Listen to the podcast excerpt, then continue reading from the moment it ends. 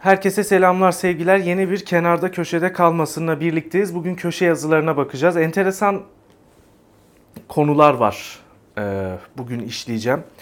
Akşam gazetesinden Kurtuluş Tayiz. Sayın Ekrem İmamoğlu'yla işte bu cemaatin e, belediye imamı olduğu söylenen Erkan Karaaslan arasındaki bir ilişkiyi yazdı. Cumhuriyet Halk Partililere göre Erkan Karaaslan'ı bazı bakanlar Ekrem İmamoğlu aleyhinde ifade vermesi için zorladı. Yani baskı uyguladılar. Ancak iktidar medyasına göre ise Erkan Karaaslan'la Ekrem İmamoğlu arasında Beylikdüzü Belediye Başkanlığı dönem, döneminde bir para alışverişi var. Şimdi Kurtuluş Tayiz'in yazısına bir göz atalım. Var mı yok mu bunu mutlaka hani öğreniriz yani böyle şeyler e, gizli kalmıyor. Kurtuluş Tayiz yazısında diyor ki işte FETÖ'nün belediyeler imamı Erkan Karaaslan'ın Beylikdüzü Belediye Başkanı İmamoğlu ile hukuku çok eskiye dayanıyor. Merak edenler İmamoğlu'nun sosyal medya hesabındaki fotoğraflara bakarak ikili arasındaki dostluk düzeyindeki e, yakınlığın olduğunu mutlaka görürler. Her neyse iş başka dostluk başka diyebiliriz.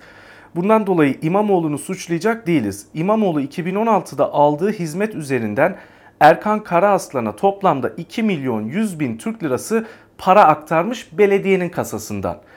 Bu parayı da İmamoğlu niye vermiş Erkan Karaaslan'a? Kurtuluş Tayiz'in yazdığına göre Erkan Karaaslan e, Beylikdüzü Belediyesi'ne e, belediyenin gelirleri nasıl artırılır konulu bir konferans vermiş. Bu konferansın karşılığında 2 milyon 100 bin Türk lirası parayı 2016 yılında Sayın İmamoğlu belediyenin kasasından işte bu cemaatin, bu yapının belediye imamına e, göndermiş, vermiş.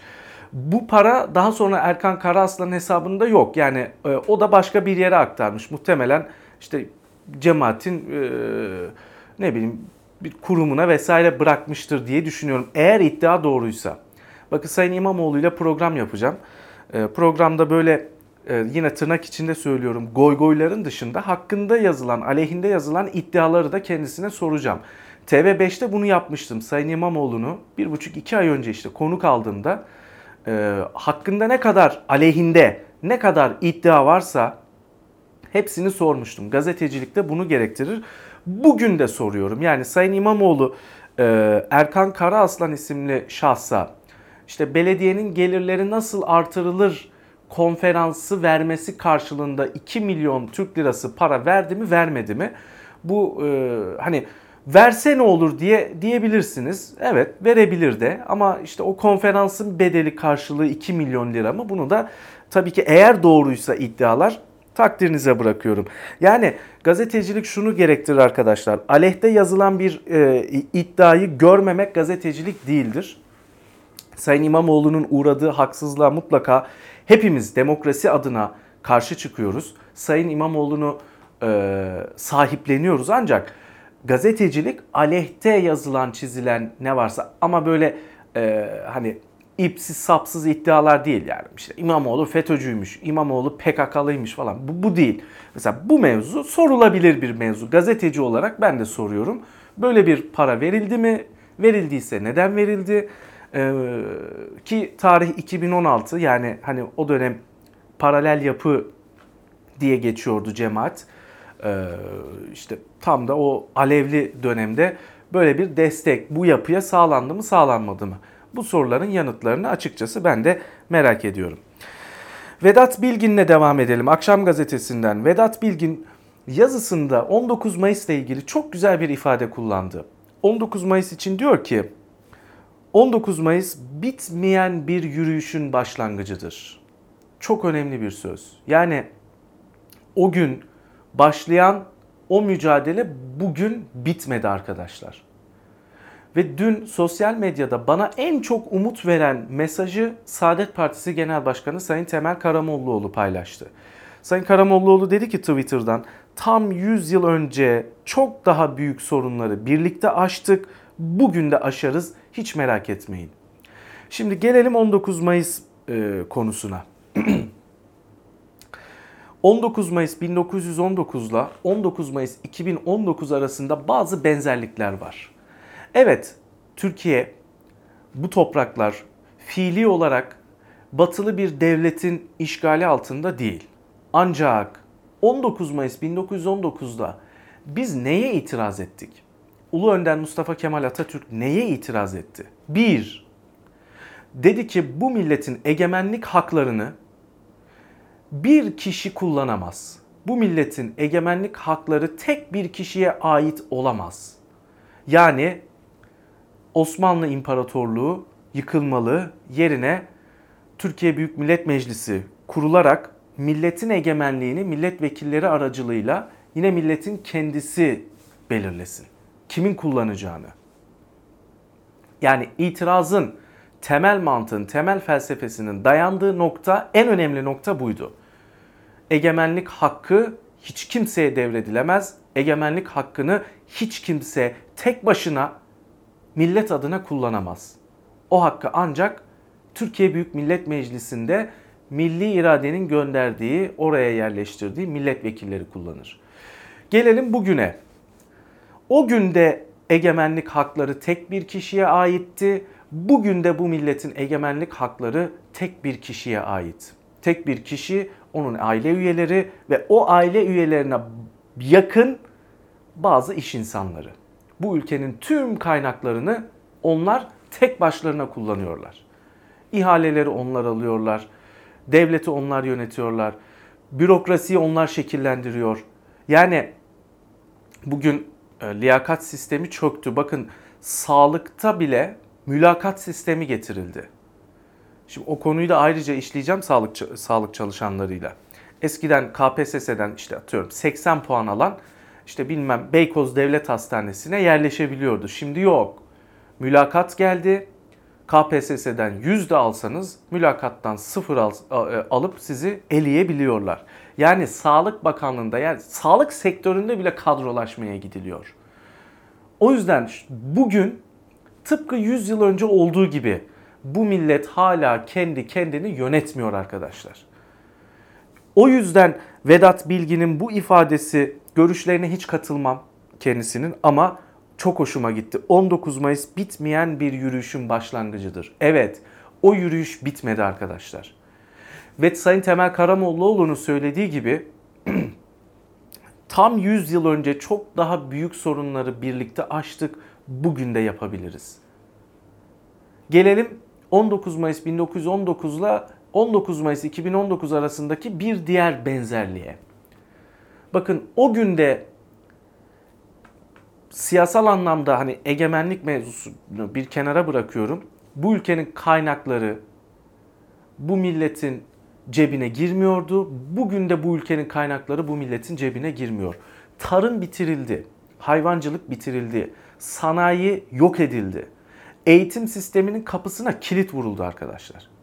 Yani 19 Mayıs 1919'da neye itiraz edildiyse bugün hala o itirazlar geçerli. Bugün hala ülke tam bağımsız bir e, Türkiye konumuna gelemedi. Bakın bugün yediğimiz, içtiğimiz ne varsa dışarıdan satın alıyoruz. Üzerime, üzerimize giydiğimiz ne varsa dışarıdan satın alıyoruz. Burada üretsek bile markasını satın alıyoruz. Bugün yediğimiz etlerin yarısını dışarıdan satın alıyoruz. Böyle mi tam bağımsızlık olur? İşte o yüzden 19 Mayıs 1919 yürüyüşü bugün hala geçerli. Bugün hala devam ediyor. Bugün Cumhuriyet Gazetesi'nden Barış Terkoğlu güzel bir yazı yazdı. Diyor ki, işgale karşı direnmeyi de, Cumhuriyet fikrini de Mustafa Kemal bulmadı. Binlerce yıllık insanlığın mirasıydı ama bunları Türkiye için kalıcı ve gerçekçi bir programa dönüştüren, kapsamlı bir devrime dönüştüren Mustafa Kemal'di. Cumhuriyet bugün emperyal projelerin tehdidi altındaysa, soğana bile muhtaçsa, bakın biraz önce söylediğim şey, onu ona inanmayanlar yönetiyorsa, ülkeyi cemaatler, tarikatlar kemiriyorsa, Bandırma Vapuru programı halen günceldir. Güvertesinde doğacak güneşi erkenden gören yolculara selam olsun diyor Barış Terkoğlu Cumhuriyet Gazetesi'nden. Ne kadar da güzel yazdı. Orhan Bursalı Cumhuriyet Gazetesi'nden yine biraz önce bahsettiğim konuyla ilgili bugün bir yazı kaleme aldı. Diyor ki 19 Mayıs büyük bir başarının ilk adımıydı sadece. O başarının adı Türkiye Cumhuriyeti'ydi. Yani cumhuriyettir, demokrasiye giden yoldur, millet oluştur, Türkçedir, cehalete karşı savaştır, medeni yasadır, kadınların eşitliğidir. Şüphesiz geleceğe yönelik ekonomik kalkınmadır. Ülke yeteneklerini harekete geçirmektir. Ve bütün bunların toplamıyla Türkiye ve millet yaratıldı. Geleceğe yönelik müthiş bir temel atıldı ve ülke sonraki nesillere politikacılara devredildi. Bugün gelinen noktada başlangıçta konan hedeflere ulaşamayan bir Türkiye var. Orhan Bursalı da e, buna dikkat çekiyor. Başta konan hedeflere ulaşamayan bir Türkiye. Yani bir şeyleri başardığımız, bir şeyleri ise başaramadığımız ortada diyor Orhan Bursalı. Neleri başaramadığımızı uzun uzun konuşuyoruz ve konuşmaya da devam edeceğiz. Devam edelim. Oktay Ekşi Aydınlık Gazetesi'nden. Abdullah Gül tarafsızlığını koruyan bir cumhurbaşkanıydı demişti Sayın Kılıçdaroğlu. Oktay Ekşi bu konuyla ilgili görüşlerini paylaştı. Diyor ki eğer gerçekten tarafsız bir cumhurbaşkanı olduğunu ifade ettiyse kusura bakmayın ama Sayın Abdullah Gül dönemini haksız yere cilalamışsınız derim. Ve Gül'ün üniversite rektörleri tayininden vali tayinlerine kadar pek çok konuda tarafsız değil açık açık taraflı davrandığını söylerim.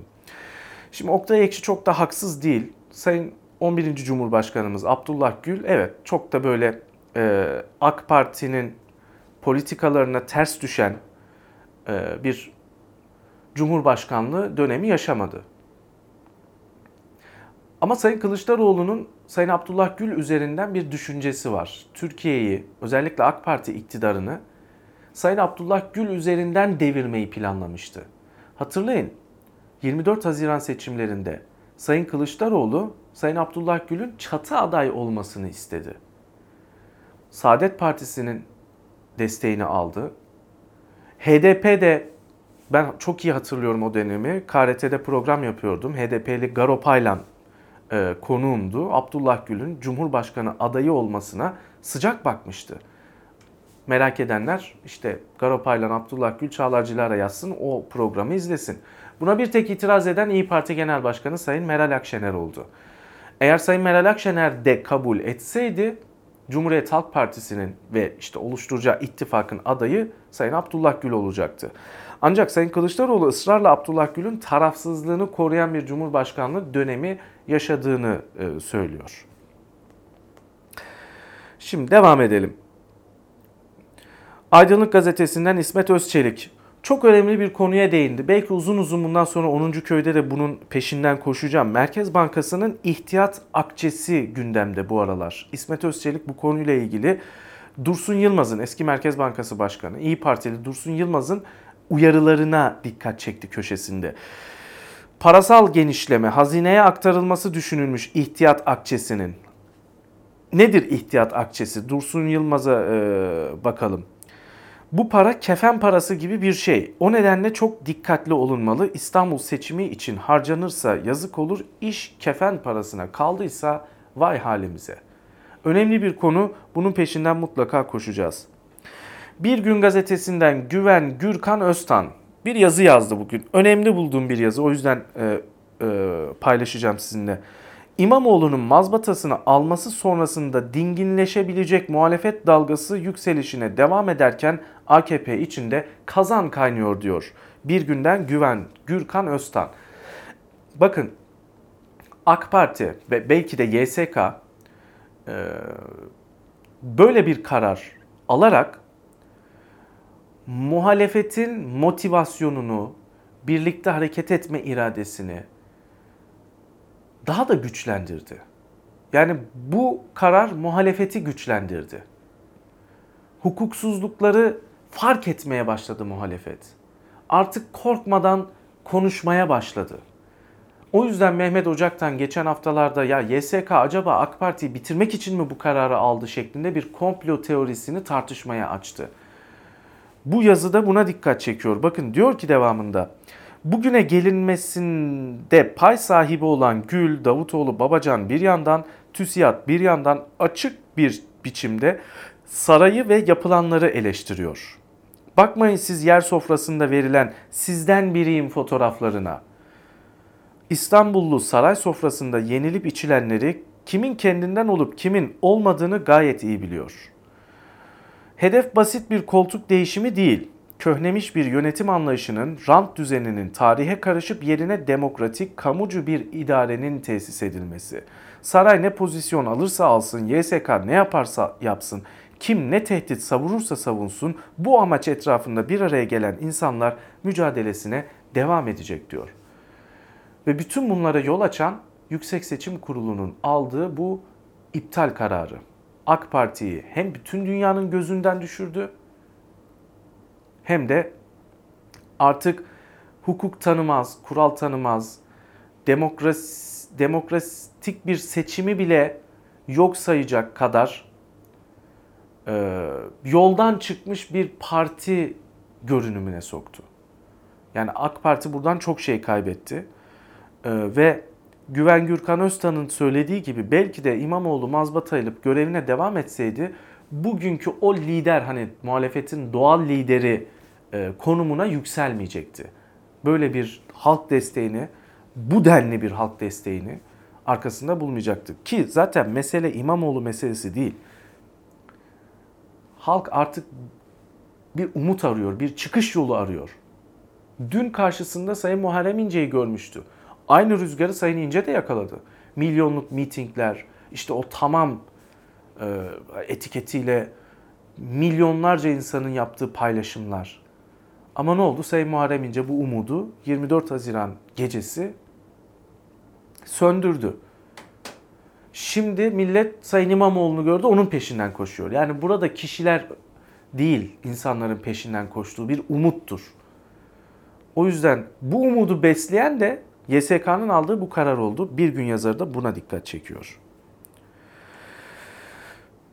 Mehmet Ali Güller Cumhuriyet Gazetesi'nden ee, bakın önemli bir analiz yaptı. AKP'nin açtığı yolla Öcalan'ın hem Türkiye'de hem Suriye'de uzlaşım mesajı vermesine Cumhuriyet Cumhur İttifakı'nın milliyetçi kanadından da hemen destek geldi diyor Mehmet Ali Güller. Ve acaba bu Öcalan açılımının arkasında ne var sorusunun yanıtını arıyor. Bakın çok basit bir mantık kuruyor. Çok önemli bir mantık. Devam edelim. AKP tam da 23 Haziran seçimi öncesinde gelen bu hamlesiyle HDP'yi sandıktan uzaklaştırmayı amaçlıyor. HDP 31 Mart'ta CHP'nin adayını desteklemiş. Bu da AKP'nin İstanbul'u kaybetmesine yol açmıştı. Evet. Sayın İmamoğlu tek başına kazanmadı. CHP de kazanmadı. HDP aday çıkarmadığı için kazandı. Şimdi AKP yine bir Kürt açılımı yaparak 23 Haziran'da İstanbul'u kazanmak mı istiyor? Kürt açılımı yapmaya pek bir vakti yok diyor Mehmet Ali Güller ama ama AKP'nin İstanbul'u kazanması için HDP seçmenlerinin oylarına ihtiyacı da yok. HDP seçmenlerinin CHP'ye oy vermemesine ihtiyacı var. Yani HDP'yi sandıktan uzak tutmak için Öcalan açılımı yapılıyor. Çünkü Öcalan açılımı yapıldığında Millet İttifakı'nın içinde olan yani Sayın İmamoğlu'nu destekleyen İyi Parti ve CHP içindeki milliyetçi grup buna şiddetle karşı çıkacak. Tıpkı AKP'nin 31 Mart öncesinde kullandığı dil gibi HDP eşittir PKK'dır şeklinde böyle paylaşımlar yapılacak. HDP seçmeni de ürküp ne size oy veririm ne de AKP'ye oy veririm diyecek ve sonucunda Binali Yıldırım kazanacak.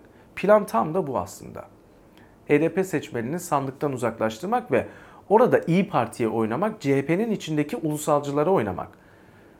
Öcalan meselesini karıştırıp bakın Sayın Öcalan dedi Burhanettin Duran Cumhurbaşkanlığı Güvenlik Politikaları Yüksek Kurulu üyesi. Böyle kurullar var. Ne iş yapıyorlar bilmiyorum bilmiyorum ancak Burhanettin Duran ne dedi NTV yayınında? Sayın Öcalan ifadesini kullandı. Bu ifade bilerek kullanıldı.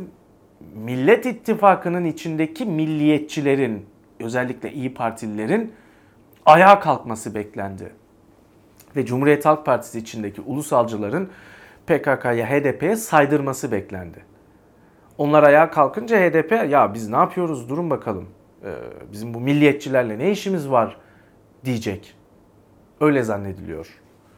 Plan o. anladığımız kadarıyla. Mehmet Ali Güller de buna dikkat çekiyor. Abdülkadir Selvi çok güzel bir yazı yazdı bugün. Uzun zaman sonra Abdülkadir Selvi'den AK Parti'ye yönelik bir eleştiri geldi arkadaşlar. AK Parti'nin nerede hata yaptığını yazdı. Çok geç, daha yeni yeni yazmaya başladı bunlar bu tür yazıları. Çok geç kaldınız. Ancak yine de bugün yazdığınız şey benim için kıymetli. Bunu daha önce de söylemiştim. Diyor ki Selvi, Erdoğan reformist ve özgürlükçü mücadelesiyle hem Türkiye'nin önünü açtı hem de %34'lerde başlayan AK Parti'yi %50'ye taşıdı. Erdoğan'ın seçim başarılarının arkasında yatan sebep reformist politikalardı. Ancak ne zamanki içe dönük güvenlikçi kodlar hakim olmaya başladı, AK Parti %42-44 seviyesine geriledi. Burada da isim vermiyor ancak Abdülkadir Selvi AK Parti'nin MHP ile yaptığı ittifaka göndermede bulunuyor.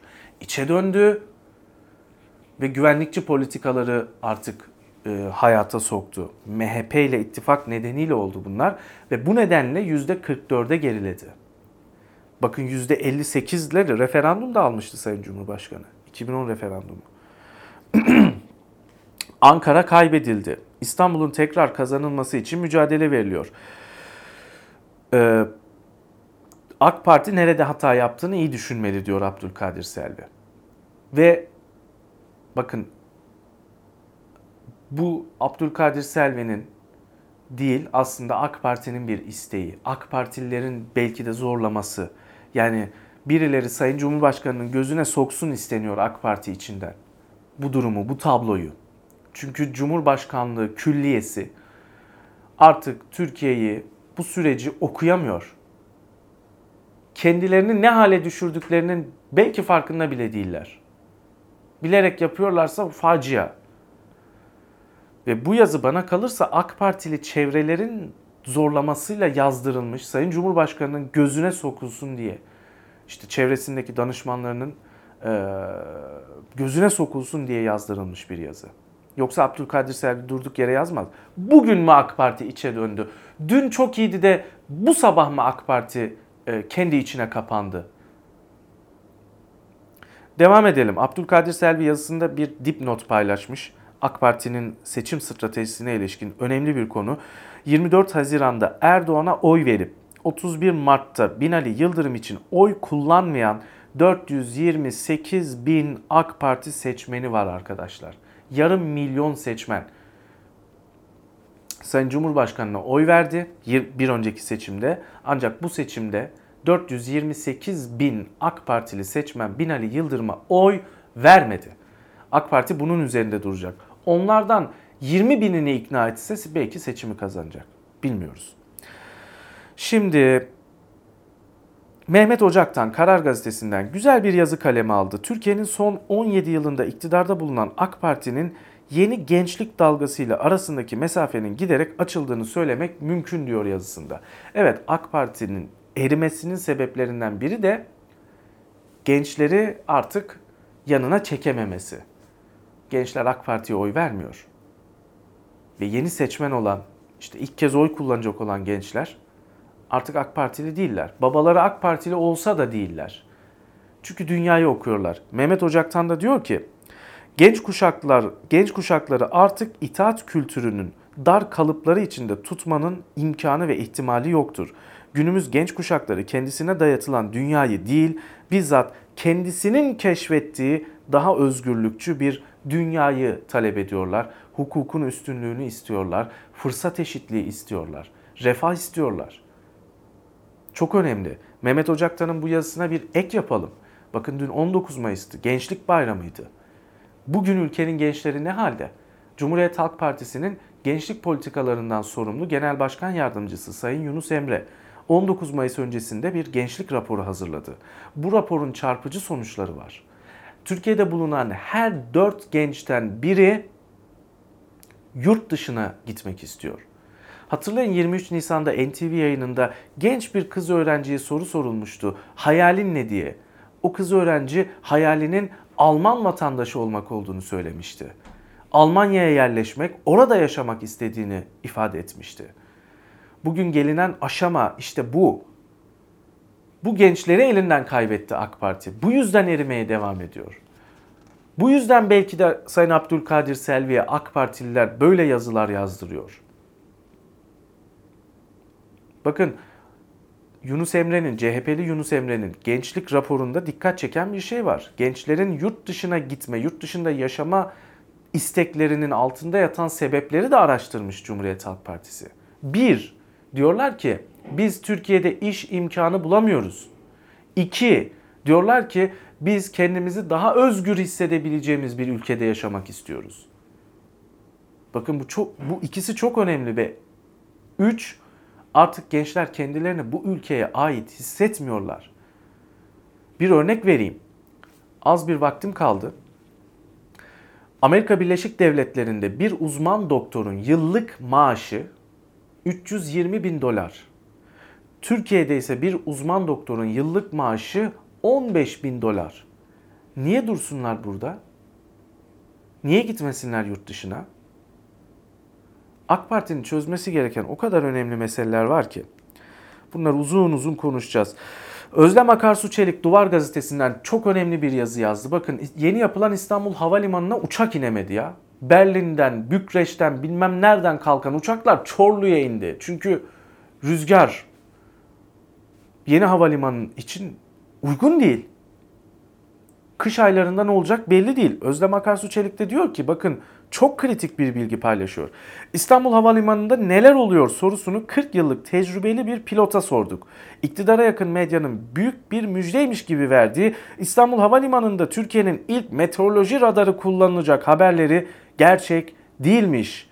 Yani gelişmiş havalimanlarında kullanılan bu teknoloji İstanbul Havalimanı'nda yokmuş arkadaşlar. Apar topar açtınız o havalimanını ve uçak indiremiyorsunuz şimdi. Bakın buradan iddia ediyorum Atatürk Havalimanı'na geri dönülecek. Kış aylarında uçaklar Atatürk Havalimanı'na inecek. Büyük bir masraf yapılacak. İstanbul Havalimanı'na taşınan o materyaller Atatürk Havalimanı'na geri gönderilecek. Bunun aksini iddia edebilen var mı? Bugün işte geçtiğimiz günlerde yaşandı o rüzgar öyle bir rüzgarda uçakların ineceğini söyleyebilen bir e, biri var mı? Yok. O yüzden e, benim düşüncem Atatürk Havalimanı'na geri dönülecek. Hakan Albayrak'ın Karar Gazetesi'ndeki yazısını da mutlaka okumanızı tavsiye ediyorum. Kırım Tatarlarının sürgüne gönderilişinin 75. yıl dönümü. Çok kısa Kırım Tatarlarının faşist Stalin döneminde yaşadıkları acıya dikkat çekmek istiyorum. Kimse kızmasın, solcular kızmasın. Stalin büyük bir faşisti. Şimdi paylaşıyorum. 18 Mayıs 1944 gecesi yüz binlerce Kırım Tatarı diktatör Stalin'in emriyle tren vagonlarına doldurulup başta Özbekistan olmak üzere Sovyetler Birliği'nin muhtelif yerlerine gönderildi. Bundan birkaç sene evvel ziyaret ettiğim Kırım'da bir köyde tanıştığımız Ahdem isimli bir amcaya o geceyi sordum ve şöyle dedi.